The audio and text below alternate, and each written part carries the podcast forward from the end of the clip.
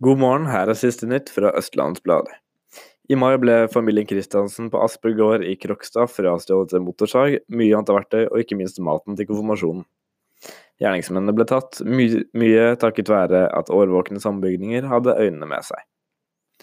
Follo Sport bytter navn til SportX.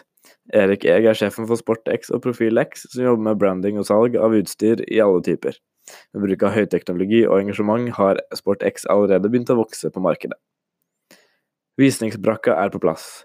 Selvåg bolig legges snart ut i første av totalt 260 leiligheter ved Langhus kirke. De fleste kjører nok bare forbi Langhusveien uten å, om, uten å tenke over hva som kommer ut av fjellveggen på nedsiden.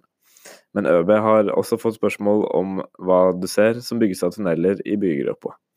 Nå får du oversikten.